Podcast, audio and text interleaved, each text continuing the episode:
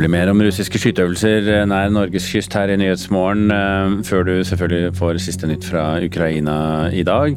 Også Equinor, da, som eh, la frem eh, nok et sterkt kvartalresultat. Equinor-sjefen skal om noen minutter fortelle oss hva han skal bruke alle disse pengene på. Blir det aksjeutbytte? Blir det økt satsing på grønn energi, eller skal de bare sitte der som en annen bank og ruge på pengene? Og Trollstigen og grunneierne der som eh, venter og venter på et offentlig toalett, mens turistene gjør fra seg i Lyngen. Det å gjøre fra seg hvor som helst i naturen, det å kaste fra seg søppel, jeg tenker at det må vi ikke gjøre. Som du hørte, planene er for så vidt klare, men så har jo spørsmålet om hvem som skal betale dette her sneket seg inn. og da blir jo en forstoppelse, da, for å si det sånn.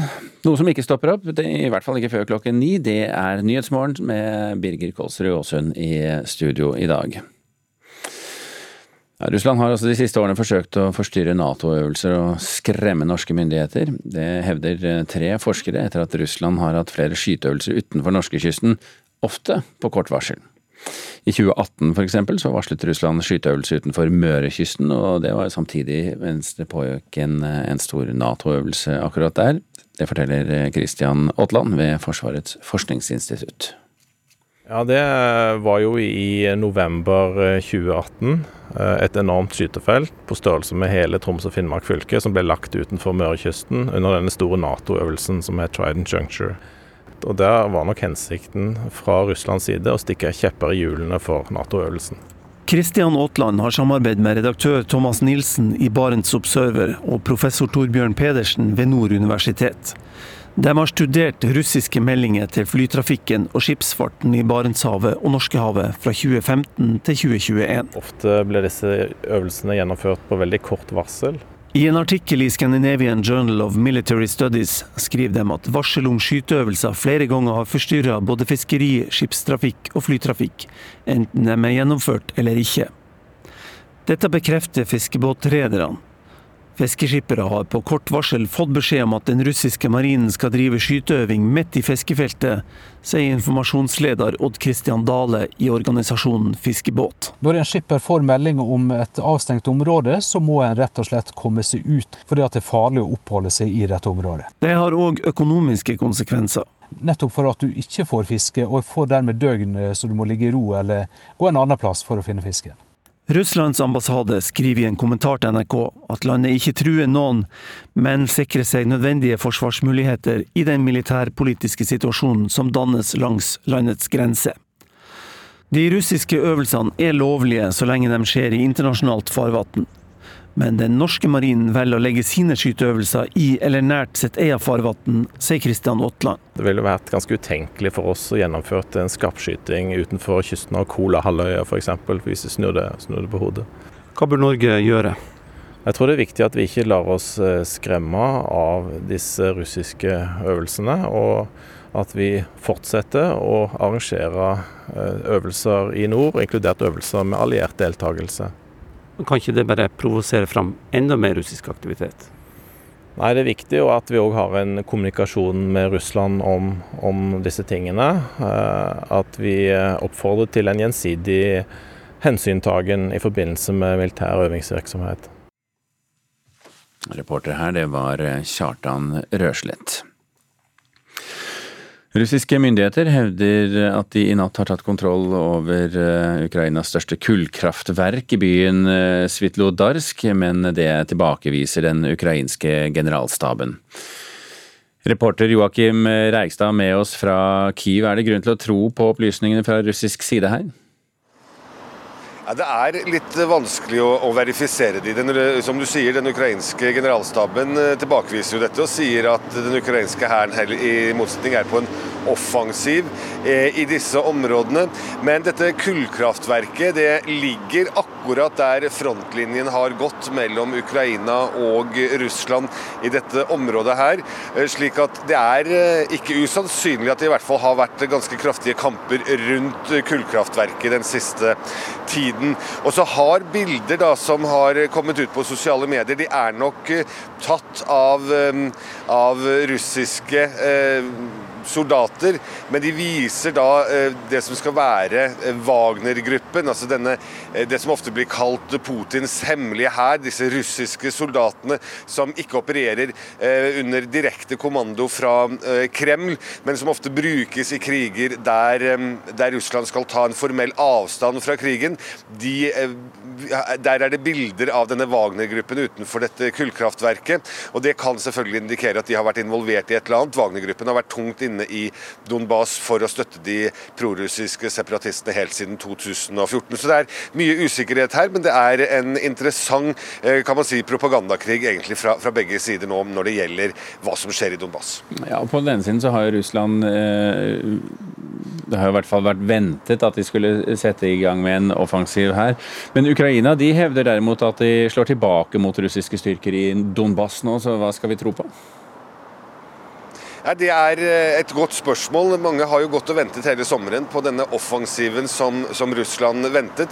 Nå sier jo militæranalytikere at det kanskje er egentlig en offensiv som er i gang, uten at man helt har kan man si, fått det med seg, fordi at det, det russiske militæret ikke har evnen til å eh, iverksette en stor offensiv, slik man så i februar lenger. At den militære kapasiteten den eier ikke Russland lenger på samme måte som de gjorde. Og Samtidig så, så kan det selvfølgelig da bety at dette utvikler seg til en mer stillingskrig i øst, hvor man får disse angrepene med jevne mellomrom, men hvor ingen klarer helt å ta mer kontroll over landområder enn det situasjonen er i dag. Man snakker om at man flytter frontlinjene noen meter i stedet for kilometer. Men dette med at Ukraina nå sier at de vil innlede en militær offensiv eh, mot Kherson eh, i eh, sør, hva er årsaken til at de melder det? Ja, Det er eh, også noe som er eh, interessant å se her. fordi at eh, Ukraina har nok også behov for å vise at de er på offensiven også i sør. Kherson er den største byen som ligger utenfor de fra tidligere prorussisk kontrollerte, eh, separatistkontrollerte områdene i Donbas. Det er en by som det i utgangspunktet for Ukraina var et ganske stort militært nederlag å tape under invasjonen i februar i, i år. Slik at, og vi skal jo også huske på her er at, at uh, mye av grunnen til at Zelenskyj sparket sin nære venn og sikkerhetssjef i forrige uke, var jo fordi at uh, han mente at militæret ikke hadde gjort nok eh, med, med, tanke på å beskytte Kherson. Så for Zelenskyj er det nok også viktig å vise at de er på offensiven her og vil slå tilbake. Og Her har det også vært en stillingskrig som har flyttet frontlinjen meter og ikke kilometer mellom Mykolajev, som har vært under ukrainsk kontroll, og Kherson, som er under eh, russisk kontroll. Her går frontlinjen frem og tilbake ganske lenge. Men det kan bli interessant hva, hva Ukraina setter i gang med der nå. Eh, om de klarer å nærme seg Kherson, så vil det være en stor militær seier for, for Zelenskyj. Du får følge med videre for oss, eh, reporter Joakim Reigstad, nå med oss fra Kyiv. Vi har fått i besøk vi her i studio Anatolij Kiriljuk, prosjektleder i Norsk-ukrainsk handelskammer, bodd i Norge i åtte år. God morgen. God morgen. Hva, hva tenker du når du hører um, Reigstad her fortelle om den propagandakrigen som også pågår? Nei, altså For meg så ser jeg ikke hvem som har kontroll over det enkelte kullkraftverket eller byen.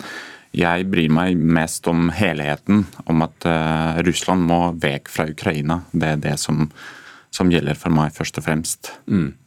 Det er jo gått eh, fem måneder nå siden Russlands invasjon. Hvordan har du det nå? Nei, det, det, var jo en tøff periode. altså Bare for, eh, for, eh, et par uker siden så markerte vi 22. juli her i Norge. ikke sant? Og så For meg som er veldig glad i Norge, også, så var det et stort, eh, stort dag da det skjedde. Og for, for, meg nå som ukrainer så oppleves det som 22. juli hver dag siden februar. Så, så det, det, er en tøff periode, det må mm. jeg si. Folk som uh, lytter veldig nøye til uh, Nyhetsmorgen, de har jo hørt deg snakke med oss før og, og hørt uh, at du har ønsket å få både mor og søster og bror og svigerinne til Norge. Nå er de her, men hvordan har det vært å få dem hit? Nei, Det var litt sånn forskjellig historie hvordan de kom seg hit. Og det er jo tøft for dem på mange måter. Eh, første perioden selvfølgelig så blir man sånn roet ned, at eh, man er i fysisk trygghet. Eh, men så kommer ja, mye det byråkratiske og hvordan får man registrert seg og, og ja, hvor man er nå og hva er veien videre. Så, så jeg føler meg i hvert fall glad for at de, de jeg har, og i trygghet, så tenker jeg ikke mer på det. Men, men, men hvordan har de det, da?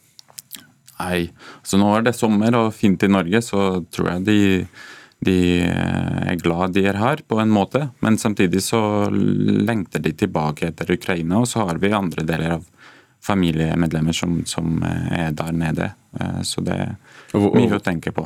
Og hvordan har de det? Det er også varierende. Noen er i krig og på fronten, og noen er hjemme. Så det, det er litt forskjellig. Har noe endret seg for deg siden krigsutbruddet? Det blir eh, mye tanker, altså å ja, gå i litt uh, uvitende uh, ja, hvordan, hvordan i morgen blir. Altså man tenker, lager ikke så langsiktige planer eh, når, eh, når, dette skjer. Og så er det litt sånn eh, vanskelig selvfølgelig å være ukrainer i Norge på den måten at nå når folk bryr seg kanskje, kanskje litt mindre om Ukraina og hører ikke så mye derifra. Også, men for, for oss så er det fortsatt like aktuelt som det var i februar. Så det er litt vanskelig å koble av. og Selv om det er sommerferie nå, så, så for meg så er, det, så er, jeg fortsatt eh, med eh, hodet og hjertet i Ukraina, som jeg fysisk har. Er det vanskelig for deg sånn sett å, å på, på, den ene siden ha hodet fullt av Ukraina, og så skal du være sammen med folk som ikke har det? Ja, det, det er litt vanskelig, jeg må eh, innrømme det. Altså bare sitte på, på sånn, eh, lunsjrommet på kontoret hvor folk snakker om hvilke hytter de skal besøke denne helgen, så er, det, så er min hode ikke helt eh, der. Men, eh, men, sånn er det. Men har du forståelse for det? Ja, altså Selvfølgelig, folk kan ikke ja, eh, være på hele tida. Nå tenker jeg at det, det er mer sånn politikernes eh, rolle å ta mer ansvar og, og stå, eh, stå, for Ukraina. Fordi det, Ukrainas kamp er eh, alle demokratiets kamp. Aleksej Kiriljok, takk for at du var med i Nyhetsmorgen, og, og hils til familien. Takk.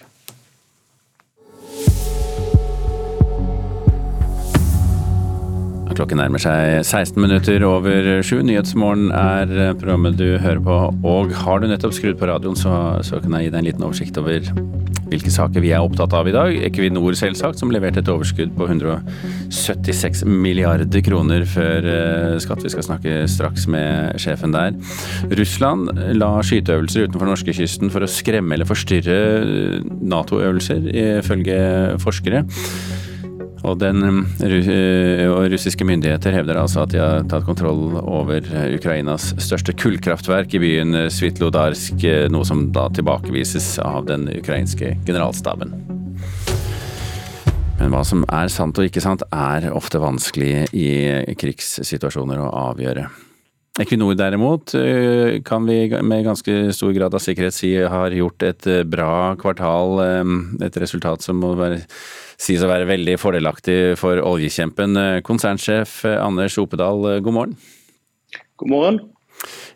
174 milliarder kroner i overskudd før skatt, det må jo sies å være en god morgen på både den ene og den andre måten?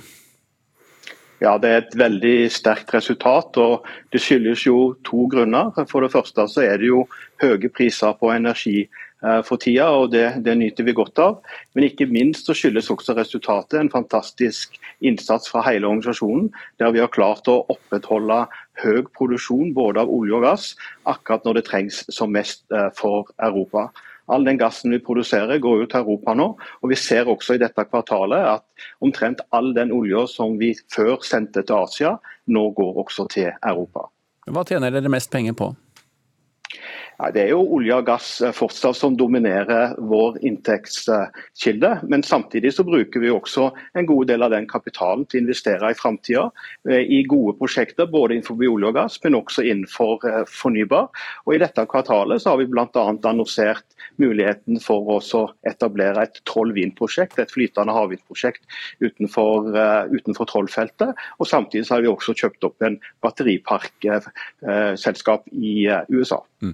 Men når du sier at dere har mange ting å bruke pengene på, dere har også utrolig mange penger på bok. Hvorfor velger dere den strategien å sitte på pengene? Nei, Nå sitter vi ikke bare på pengene, for vi har jo også i løpet av første halvår nå generert en veldig stor skatteregning. Eh, vi skal basert på første halvårsresultat betale skatt eh, på 230 milliarder norske kroner. og Den første eh, utbetalingen skjer allerede i neste måned.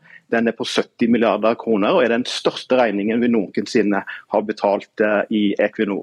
Og Samtidig så har vi en veldig god prosjektportefølje som vi investerer i, gjennomsnittlig 10 milliarder dollar hvert eneste år. Mm, men du bestrider ikke at dere har mange penger på bok? Ja, vi har mye penger på bok. Eh, samtidig så er det veldig viktig å være eh, solide i disse tider. Vi vet jo at eh, olje- og gasspriser er sykliske. for to år siden så hadde vi svært lave priser. Nå har vi svært høye priser. Vi prøver å holde jevn aktivitet gjennom eh, disse svingningene, slik at vi kan ha gode resultater eh, uansett om det er lave eller høye priser. Mm, og akkurat det, eh, Hva betyr det for dere? Altså nå har jo uh, I 2020 så sank jo oljeprisen etter pandemien uh, til overkant av 20 dollar. Nå uh, ligger den og vipper rundt 120 dollar de, de, de siste månedene. En så ustabil pris, hva gjør det med Equinor? Ja, det er jo klart at eh, Resultatet vårt vil jo variere med det, men så prøver vi da å passe på at vi ikke opp, eh, redusere og skalere opp aktiviteten bare basert på prisene. Prøve å holde jevn aktivitet. Spesielt så er det viktig for leverandørindustrien at de ser eh, hvor mye aktivitet som kommer i årene framover, slik at de kan dimensjonere for det. Ikke minst er det viktig å være åpne om hvilke aktiviteter vi vil starte innenfor fornybarsegmentet, slik at leverandørindustrien kan tilpasse seg dette. Så Både internt og eksternt så prøver vi å holde jevn aktivitet til tross for disse svingningene. Og akkurat mm. der var jo skattepakken som kom i 2020 veldig viktig. Den gjorde at det var mulig å opprettholde jevn aktivitet til tross for at det var veldig lave priser på den tida. Men vi, vi, ser jo det Oppdal, at uh, som følge av krigen så starter kullkraft uh, opp igjen, og utfasingen av kullkraft uh, stanser opp flere steder. Bør Equinor sette større fart i den grønne investeringen deres? Det, det, er helt klart at Vi ser at det er mangel på energi i verden. Uh, det er mangel på, på, gass, ikke minst i Europa. og Det gjør jo at uh, vi ser kull komme sterkere uh, tilbake igjen. Vi har lagt fram en, en plan, en, en energitransisjonsplan, eh, der vi bl.a. skal skalere opp våre investeringer til, innenfor fornybar eh, fram til 2026 totalt sett. Eh, opp mot 230 milliarder norske kroner. Og så jobber vi så raskt vi kan i forhold til de konsesjonene og de prosjektene som vi har i vår portefølje. Men vi leter stadig etter nye prosjekter innenfor fornybar segmentet. og Det var jo derfor vi da foreslo Troll Vind-prosjektet som vi la fram her før eh, sommeren. Som er et mulig prosjekt som både kan sikre at Norge når sine klimamål, at vi får styrka nettet i bergensregionen, og ikke minst at vi får elektrifisert eh, sokkelen uten at det påvirker eh, elektrisiteten som er på, på, på, på land og konkurranse, konkurranse med onshore virksomhet. Konsernsjef i Equinor, Anders Opedal, takk for at du var med oss i Nyhetsmorgen. Vi tar turen eh, fra eh, norsk olje til Filippinene, for der eh, er landet nemlig rammet av et kraftig jordskjelv denne morgenen, altså morgen filippinsk tid. Jordskjelvet rammet øya Luzon, 300 km nord for hovedstaden Manila. Reporter Dag Bredvei, hva vet vi nå om ødeleggelsene? Eh, vi vet at skjelvet hadde en styrke på sju, og at en rekke bygninger er eh, ødelagt. Eh, sykehuset i provinsen Abra Der er sykehuset delvis ødelagt. Alle pasientene skal nå være evakuert og i sikkerhet. I tillegg har det vært veldig mange jordras etter skjelvet. En rekke biler er dekket av jord, og vi vet ikke om det var personer inne i disse kjøretøyene. Men vet vi noe om skadde og eventuelt døde? Eh, vi vet at en bygningsarbeider er omkommet, ifølge lokale medier på Filippinene. I tillegg er en person skadd, men myndighetene sier det er altfor tidlig. President Marcos har sendt nødetatene til området. Han har selv reist til denne Abra-provinsen helt nord på Filippinene. Og eh, redningsarbeidere de gjennomgår nå eh, raserte bygninger. Mm, vi hører jo også historier om folk i Manila, altså 30, km, nei, unnskyld, 30 mil sør for dette området som merket skjelvet. På hvilken måte gjorde de det? Ja, bygninger ristet, og det er som du sier, det kommer nå bilder om veldig mange mennesker som løp ut i gatene. Gatene er fulle av mennesker, de vil ikke være innendørs. Og eh, også T-banesystemet i hovedstaden er eh, sperret av nå, og senatsbygningen er eh, evakuert. Så de merker absolutt skjelv også der. Mm. Og ofte når det er sånne skjelv, så kommer det jo også etterskjelv. Er det det de frykter, de som står ute i gatene? Ja, de frykter etterskjelv. Filippinene ligger jo i dette illeringen, Altså altså dette jordskjelvbeltet langs Stillehavet. De er vant til jordskjelv, og også etterskjelv. Så veldig mange frykter det, og har da tatt tilflukt ute i gatene. De frykter også flere jordras. Ok, Dag Bredvei, takk.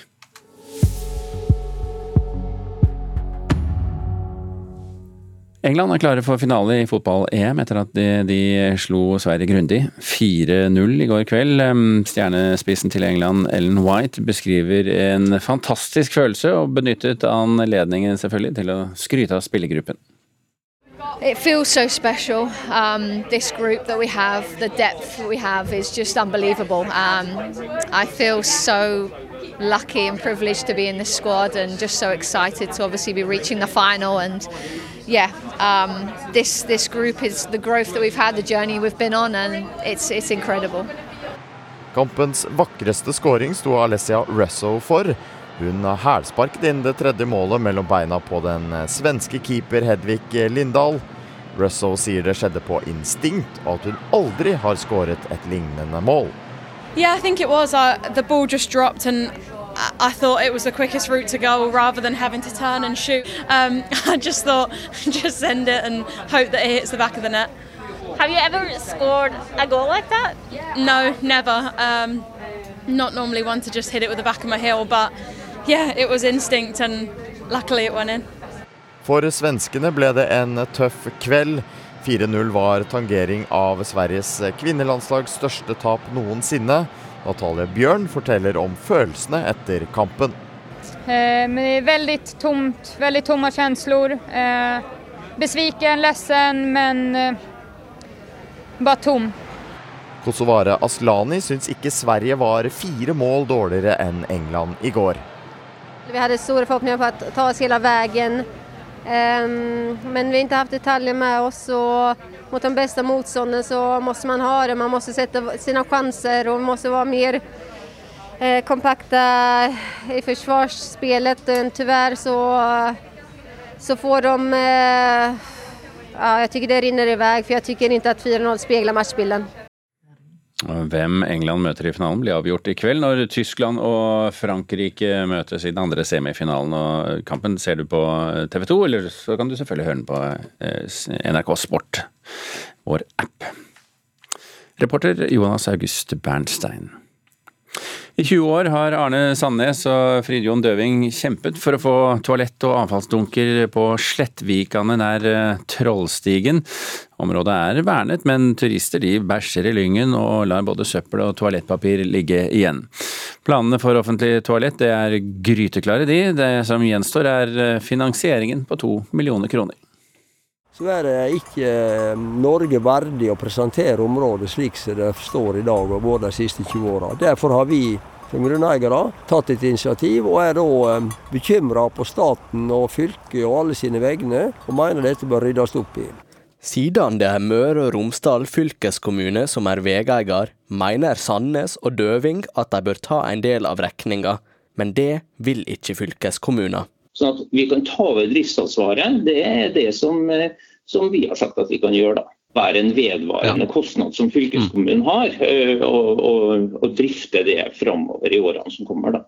Både Fjord kommune og Reinheimen nasjonalparkstyre er involverte i saka, og nasjonalparkstyret har allerede satt av 250 000 kroner til prosjektet. Men ordfører i Fjord kommune, Eva Hove, mener det er rimelig at fylket også tar et ansvar for finansieringa. Men jeg syns ikke det er rimelig, for det som skjer nå er at uh, dette går i en sirkel. og så kommer ikke i mål og får ikke etablert de toalettforholdene som det er behov for. Jeg tenker Det er det viktigste perspektivet som både fylkeskommunen og oss andre aktørene må ta. Arne Sandnes er en bereist mann som har opplevd verden. Han mener det er skammelig at Norge som reiselivsnasjon ikke gjør mer for å legge til rette for turistene som kommer hit. Og når jeg møter ekskrement i buskene her når jeg skal gå seg en liten tur, de forventer å få doer seg tilrettelagt, og det er hygienisk på alle mulige måter. De venter å få tilrettelagt plasser der de kan parkere bobilen sin. Og de venter å få informasjonstall der de får vite hva de ser rundt seg, og i tillegg hvor de skal oppføre seg i naturen. Dette her å, å, på en måte kommunisere naturvett og, og miljøhensyn er en glimrende mulighet på, på en sånn plass dette her. Den muligheten er ikke nytta. Og jeg syns det er rett og slett skammelig. Uforsvarlig og skammelig, vil jeg bruke de ordene. Men fram til toalett og avfallsdunker er på plass, har Jan Ole Tønnesen en beskjed til alle som vurderer å gjøre fra seg i naturen det å eh, gjøre fra seg hvor som helst i naturen, det å kaste fra seg søppel. Jeg tenker at det, det, det må vi eh, ikke gjøre. Naturen er et, eh, et fellesgode som vi må ta vare på. Reporter her, det var Marius Ombakk eh, Bjørkedal. Klokken er straks eh, halv åtte. Det betyr at Tone Nordahl eh, gir deg siste nytt. Sommer i P2. Jeg søkte på en jobb der kriteriet var at man måtte kunne lage litt mat, og endte opp med å servere kongeparet og vinne kokkeprisen. Jeg heter Astrid Regine Neslander, og i mitt sommer i P2 skal jeg fortelle om veien fra ei hytte full av katteskitt i Värmland til bærekraftig matproduksjon i Nord-Norge. Sommer i P2 i dag klokka ni.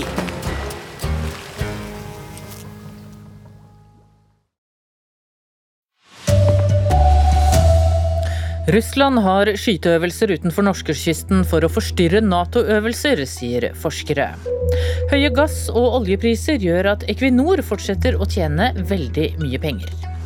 Og selvhjelpsbøker selger som aldri før. Det er ikke sikkert det er bra, mener psykolog. God morgen. Klokka er 7.30. Dette er saker det blir eh, mer om eh, i denne sendingen fra Dagsnytt. Russland har de siste årene forsøkt å forstyrre Nato-øvelser og skremme norske myndigheter.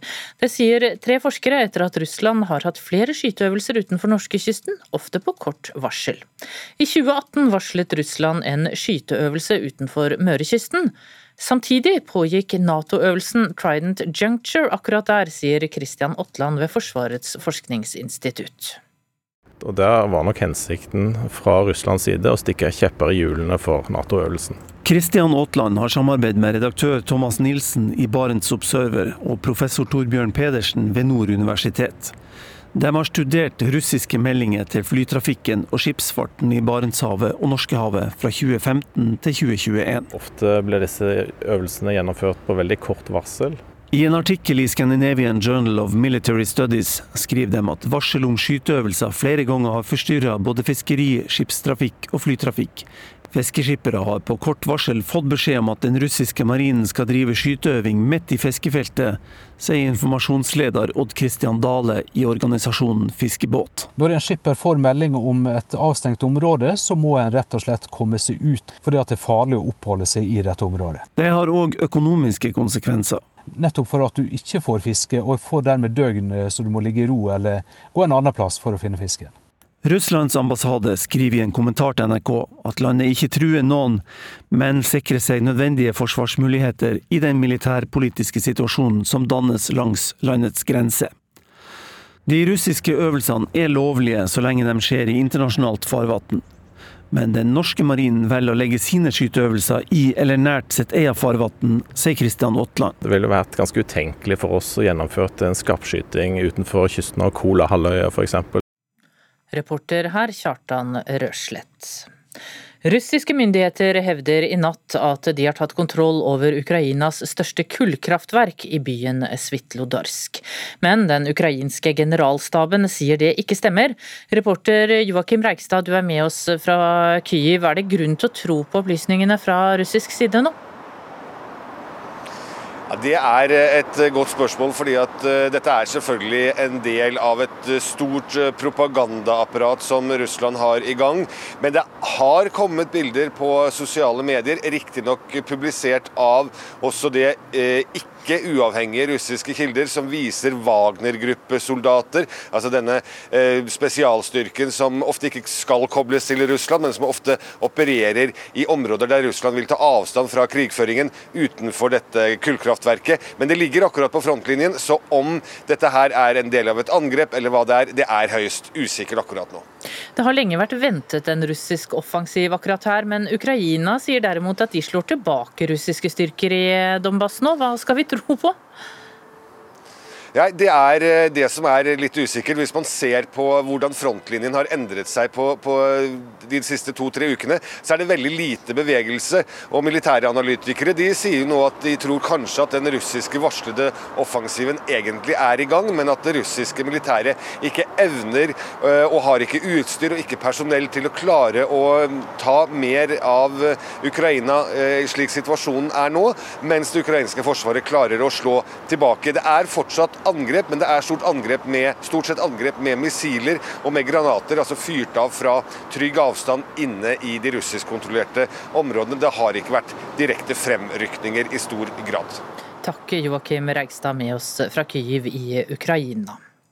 Equinor la i dag tidlig frem sitt resultat for andre kvartal. og Det er på 174 milliarder kroner eh, i overskudd før skatt. Reporter Per Søreide Senstad, dette må sies å være en god dag for energiselskapet? Det er en eh, veldig god dag for Equinor, og rent økonomisk betyr jo det at det også er en god dag for eh, det norske folk. Staten Norge eier tross alt 67% av selskapet. Hvorfor tjener Equinor eh, så mye penger akkurat nå? Det er flere grunner til det, men den viktigste grunnen til kjemperesultatene er rett og slett eh, Russlands invasjon av eh, Ukraina. Vestlige land vil ikke lenger kjøpe olje og gass fra Russland. og Dette gjør at det plutselig er mindre energi tilgjengelig, samtidig som etterspørselen er akkurat like stor som før. Da skyter prisene på olje og gass i været, og Equinor og Norge tjener gode penger. Ja, Hva skal Norge og Equinor gjøre med alle disse pengene? Det er jo et godt spørsmål. Konsernsjef Anders Opedal var med i Nyhetsmorgen for eh, et kvarter siden, så vi kan jo høre hva han sier at selskapet skal bruke penger på fremover. Eh, vi skal basert på første halvårsresultat betale skatt eh, på 230 milliarder norske kroner. og Den første utbetalingen skjer allerede i neste måned. Den er på 70 milliarder kroner og er den største regningen vi noensinne har betalt eh, i Equinor. Og Samtidig har vi en veldig god prosjektportefølje som vi investerer i, gjennomsnittlig 10 milliarder eh, dollar hvert eneste år. Ja, vi skal videre til Filippinene, som har vært rammet av et kraftig jordskjelv denne morgenen. Jordskjelvet hadde senter ved øya Luzon, 300 km nord for hovedstaden Manila. Og Hvilke skader har det kommet melding om eh, til nå, reporter Dag Bredvei? Ja, Nå er nødetatene på plass i dette jordskjelvområdet helt nord på Filippinene og forsøker å få oversikt. Det vi vet nå er at et sykehus har eh, rast sammen. Eh, pasientene skal være evakuert og i sikkerhet. Flere bygninger er rammet. Det er også meldinger om mye jordskred og at eh, en rekke biler er dekket av jord. og Vi vet ikke om det var mennesker i disse bilene. Det kommer også meldinger om at president Marcos skal opp til dette jordskjelvområdet nå. Har noen eh, mistet livet eller eh, blitt skadd i dette jordskjelvet? Ja, Nødetatene melder at de gjennomgår raserte bygninger og også skal sjekke disse bilene som ligger under jordmassene, så det er litt tidlig. Men det som er bekreftet nå, ifølge lokale medier, er at det er én bygningsarbeider som er omkommet, og at én eh, person er skadd. Dette skjelvet rammet altså 30 mil fra hovedstaden Manila. Hvordan eh, merket folk der eh, skjelvet? Ja, Mange fikk eh, panikk og løp ut i gatene fordi bygningene de var i, ristet. T-banesystemet er stengt og senatsbygningen er evakuert. Og mange i hovedstaden, selv om de er vant til jordskjelv, så er de nå svært nervøse for etterskjelv. Takk, Dag Bredvei. Da skal vi høre at selvhjelpsbøker, serier og podkaster er i vinden som aldri før. Psykolog Line Marie Warholm mener vi har fått et prestasjonssamfunn, og det slår inn allerede i barneskolen. Det er ikke lenger nok å være god nok. Prøver du å bli den beste utgaven av deg selv? Ønsker du å maksimere potensialet ditt, endre vanene dine totalt, bare tenke positive tanker, lære noe nytt hver dag, spise sunt, prestere best på hjemmebane og bortebane? Hvis dette er deg, er du ikke alene.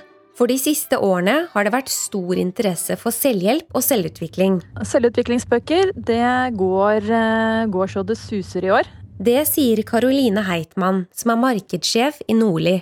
Både forlag og bokhandlere forteller at slike bøker er mer ettertraktet nå. Hittil i år så har vi hatt en økning i salg på over 40% sammenlignet med fjoråret. Det tenker jeg er så måte, beskrivende for en sånn tendens vi har fått. da. Line Marie Warholm er psykolog og psykoanalytiker. Hun mener at vi har blitt et prestasjonssamfunn, og at vi lærer denne tankegangen fra vi er skolebarn. Hvordan de helt fra første klasse holder på med mm, leselogg, altså at de teller antall sider eh, de leser, i stedet for bare å ha liksom, oppmerksomhet mot det man har lest, eller den opplevelsen det er å lese det. Men er all selvhjelp god hjelp? Nei, mener psykologen. At det ikke er greit nok å bare gjøre det sånn være sånn halvbra på skolen og få deg en eh, liksom, helt ok jobb, sånn at du kan forsørge familien din og leve et sånt traust, vanlig A4-liv. Det er på en måte, det er liksom ingen som vil, da. Alle vil være spesielle på en eller annen måte. Reporter her var Aida Korami. Det ble ingen EM-finale i fotball på Sverige. I går kveld tapte svenskene 0-4 mot England, og Natalie Bjørn var naturligvis skuffet. Väldigt tomt, Veldig tomme følelser. Besviken, ledsen, men eh, bare tom. Kosovare Aslani syns ikke Sverige var fire mål dårligere enn England i går. Vi hadde store forhåpninger på å ta oss hele veien, men vi har ikke hatt detaljer med oss. og Mot den beste motstanderen så må man ha det, man må sette sine sjanser. Reporter Jonas August Bernstein. Ansvarlig for Dagsnytt i dag, Ulf Tannes Fjell. I studio, Tone Nordahl.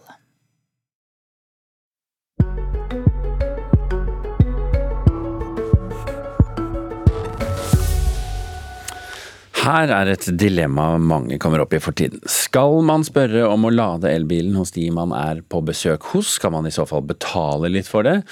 Og motsatt, er det slik at man nå på lik linje med at man gir gjestene en kopp kaffe, også gir dem litt ladestrøm? Se for deg følgende scenario. Det er en fin sommerdag, og du er hjemme. Utforbi synger fuglene, og inne står kaffetrakteren og går med radioen i bakgrunnen.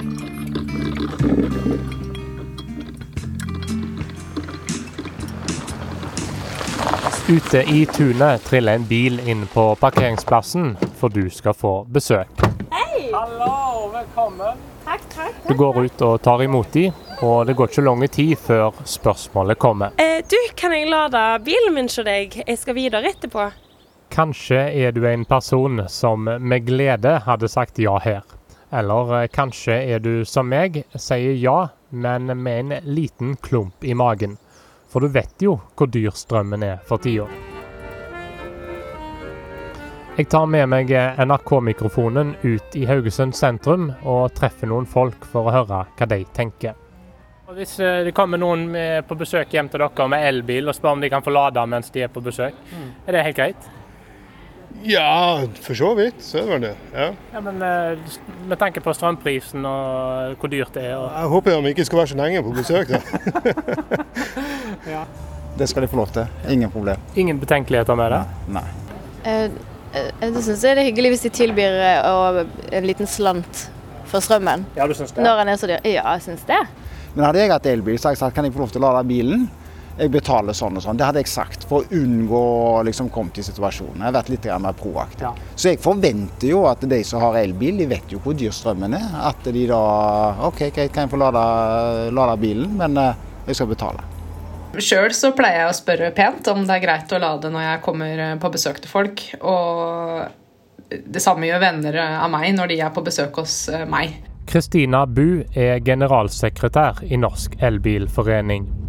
Per dags dato er det nesten 500 000 elbiler på norske veier. Bu tror derfor at det i mange tilfeller vil gå opp i opp hvis man besøker hverandre jevnlig. Men eh, Jeg tenker også at det er fint å tilby seg å betale. Men hvor mye koster det egentlig med et besøk som spør om de kan få lada litt hjemme hos deg?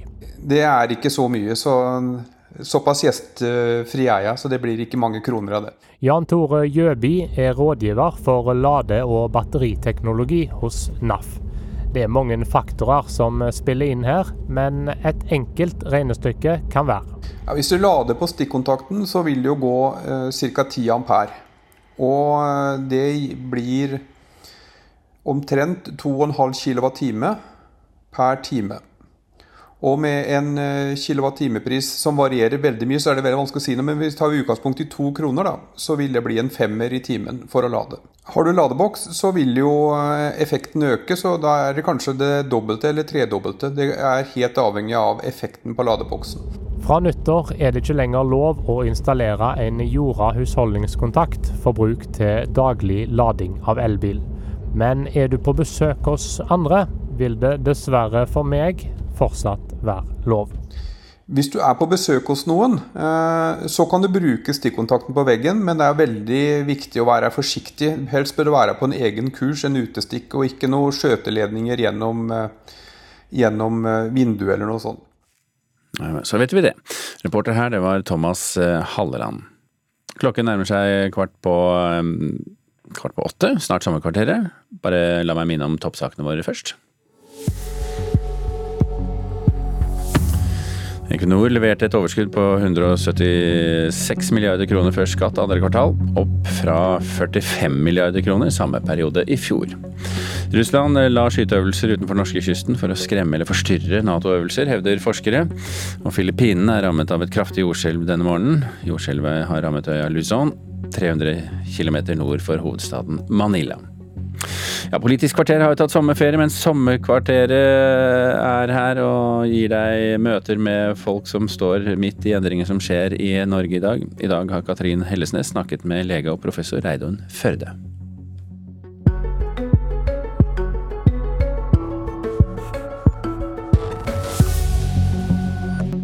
Navn? Reidun Førde. Alder? Akkurat fylt 72. Yrke? Eh, professor emeritus i medisinsk etikk og lege, og så sitter jeg med en hel, an, hel del andre frivillige verv i dag. Hva ville du valgt som yrke i dag, hvis du skulle valgt en gang til? Jeg er utrolig fornøyd med det yrket jeg har valgt. Det har gitt meg masse muligheter og masse mening. Men hvis jeg hadde blitt tvinga til å velge noe annet, så tror jeg jeg ville jobba på en eller annen plass eh, i, i eh, forskning på dyr og biologi og sånne ting. Hvilke nye legemidler skal vi ta oss råd til? Hvilke pasienter skal prioriteres? Og hvem er det egentlig som styrer pengestrømmen i helsevesenet? Spørsmålene er ikke nye, men svært aktuelle i en tid hvor utviklingen av nye legemidler, ofte svært kostbare, går raskere enn noensinne. Definitivt fortere. Det kommer stadig nye og veldig dyre legemiddel inn mot sjeldne tilstander. Tror du det betyr at det kommer til å bli mer problematisk framover, disse dilemmaene som det alltid er når det kommer et nytt legemiddel som kan hjelpe noen? Ja, dette gir oss eh, store utfordringer i måten vi så langt har godkjent legemiddel på, og ikke minst prioritert eh, legemiddel inn for offentlig betaling. Og Grunnen til det er at uh, mange av disse nye, kostbare legemidlene gjelder veldig få pasienter. Og, og det betyr også at uh, de kravene vi har stilt til uh, dokumentasjon av effekten av legemidler, og også bivirkningene av legemidler, må gjøres på en helt annen måte. Rett og slett fordi at det gjelder så få pasienter. Når det gjelder innføring av nye legemidler i spesialisthelsetjenesten, har Norge en omfattende prosess med vurderinger i flere ledd. Det er Beslutningsforum for nye metoder, direktørene fra de regionale helseforetakene som til slutt avgjør om det skal tas i bruk.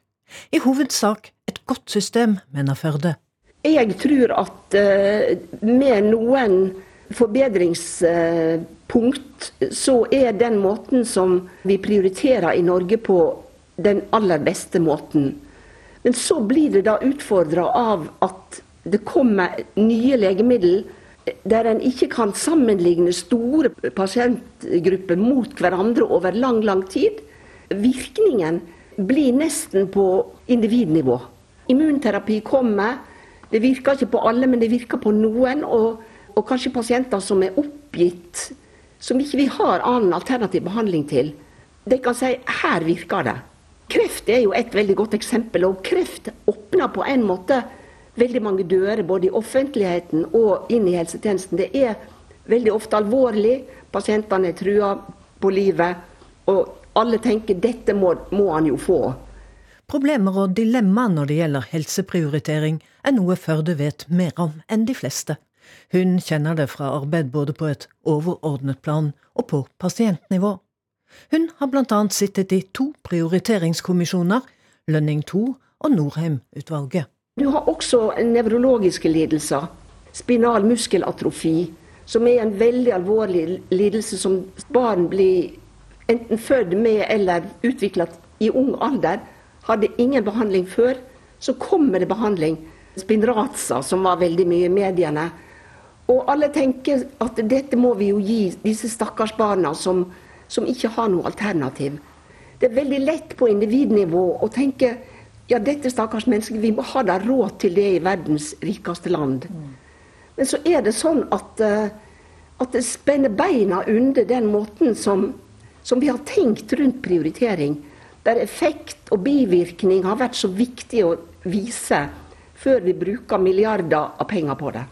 Er det etisk forsvarlig å si nei til et legemiddel som kan hjelpe noen, selv om det koster uh, penger? Hvis eh, vi hadde ubegrensa med penger i samfunnet vårt, så ville det være etisk uforsvarlig å, å si nei. Men vi har ikke ubegrensa midler. Helsevesenet konkurrerer med andre sektorer i samfunnet. Med veier, med skoler, med andre ting som er forferdelig viktig, også for helsa, faktisk. Og, og da er helsebudsjettene begrensa. Kanskje de skulle bli større. Det tror jeg veldig mange syns at Helse er noe av det aller viktigste. Men hvis ikke vi finner et godt system som prioriterer rettferdig, og det har Norge holdt seg med i veldig mange år, det tror jeg vi skal være veldig kry av. Hvis vi ikke prioriterer åpent og bevisst, så er det noen i den andre enden. Og da kommer vi tilbake til etikken. Eh, hvis det skal være VG og Dagbladet og NRK og oppslagene om de enkeltpasientene som styrer prioriteringa, sånn som det kanskje er litt for mye, så vil det i den andre enden være noen som ikke får. Og det er det langt mindre snakk om. Hvor skal vi ta disse pengene fra? Det er også etikk. Men nå, nå, sier du egentlig to ting samtidig. Du sier at vi har et godt system for prioritering i Norge. Samtidig så sier du også at uh, til tider så kan det virke som om det er mediene som styrer. Ja, ja, men det er, Vi har et godt system, iallfall i teorien. Men så har vi en masse andre drivere, uh, der mediene er en av dem, som, som gjør at, uh, at en fraviker på en måte de prinsippene som er vedtatt av Stortinget. Hvem er det som lar seg styre da? Er det Beslutningsforum? Eh, ja, Beslutningsforum er jo kanskje de som i minst grad lar seg påvirke for, mye. Fordi at uh, det består jo av de som skal sitte og dele ut penger til alle ulike grupper på sykehusene. Om ikke det er åpne prioriteringer, så er det iallfall noen som påvirker pengebruken. Og der kommer jo mediene inn. Enten med å skremme folk til å gå til doktor og be om undersøkelser som ikke er velbegrunna, du har legemiddelindustrien som prøver å påvirke, selvfølgelig. Og, og, og du har profesjonsorganisasjonene, sånn som legene sjøl, som passer på å jobbe for sitt felt. Veldig forståelig. Men igjen, Alle må tenke når jeg bruker disse pengene her, hvem er det da som ikke får? Det er et veldig viktig spørsmål. Og der kunne kanskje mediene være litt mer våkne. Hvem er det som ikke får, da? Jeg kaller det de tause taperne, eller de har vært kalt det når vi har jobba med prioritering. Ja, det er de som ikke har noe mikrofonstativ. Det er de som kanskje ikke engang har sterke pårørende til å slåss for seg. Det er de skambelagte sykdommene. Pasienter med kols, med selvpåførte lidelser, med rus, psykiatri. Nå har det vært veldig mye om eh, tilkortkommenheten i barne- og ungdomspsykiatrien. Det har vi sett, og for så vidt også i psykiatrien, med alle disse tragiske hendelsene. Og det er et felt som ikke får slengt pengene etter seg. Så det, det er iallfall noen eksempel på eh, tause tapere. Vi lesere hører ofte historier om et nytt legemiddel som kan hjelpe syke mennesker. Diskusjonen handler ofte om noen få pasienter med helt spesielle diagnoser. For disse historiene får stor oppmerksomhet i forhold til andre prioriteringsspørsmål i helsevesenet? Nei, jeg vil ikke si det. For det er jo klart at, eh, at det at du har funnet opp en medisin som hjelper små barn som kanskje dør eller eh, blir veldig hjelpetrengende, eller en pasient som var oppgitt av helsevesenet fordi med konvensjonell behandling plutselig spaserer ut og er kreftfri. Selvfølgelig skal de ha oppmerksomhet. Og, og medisinen er hele tida utviklende, ekspanderende. Det er et sånn måte eh, medisin utvikler seg på. Men det som er for lite oppmerksomhet mot, tenker jeg er det alternativ bruk av pengene. Hvor skal disse pengene komme fra?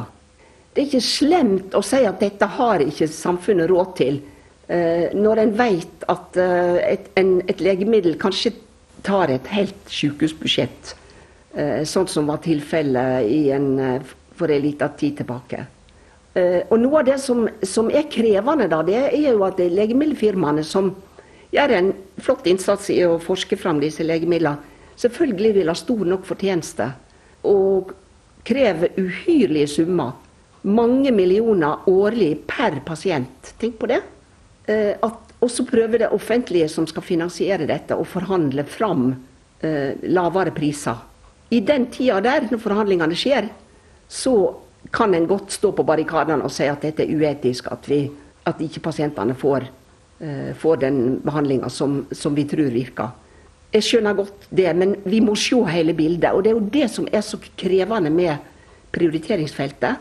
Og jeg vet at politikere som har mot til å si nei, blir satt under et uhorvelig press på nye medier som, eh, som kyniske og, og eh, ja. De burde heller ha klapp på skuldra. For det krever mot. Det krever mot å stå i denne strømmen av, eh, av ulike mennesker du skal hjelpe. Ulike hensyn.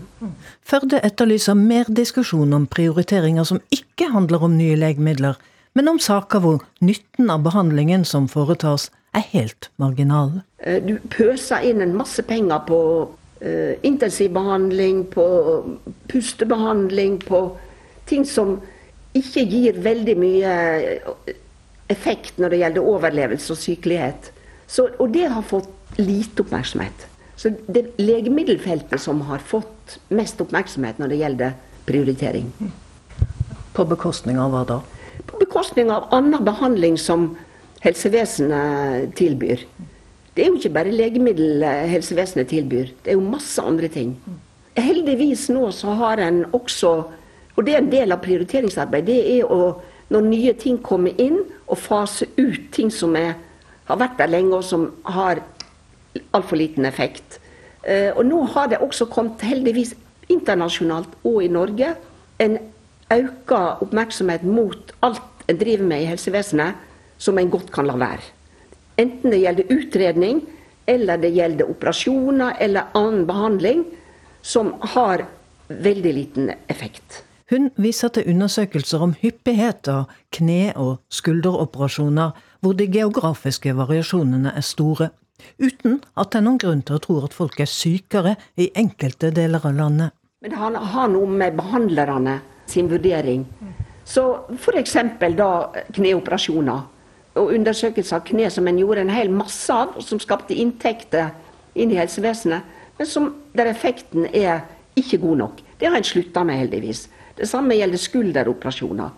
Så jeg tror vi, at vi kommer langt hvis både pasientene og behandlerne spør er dette nødvendig, er dette nyttig.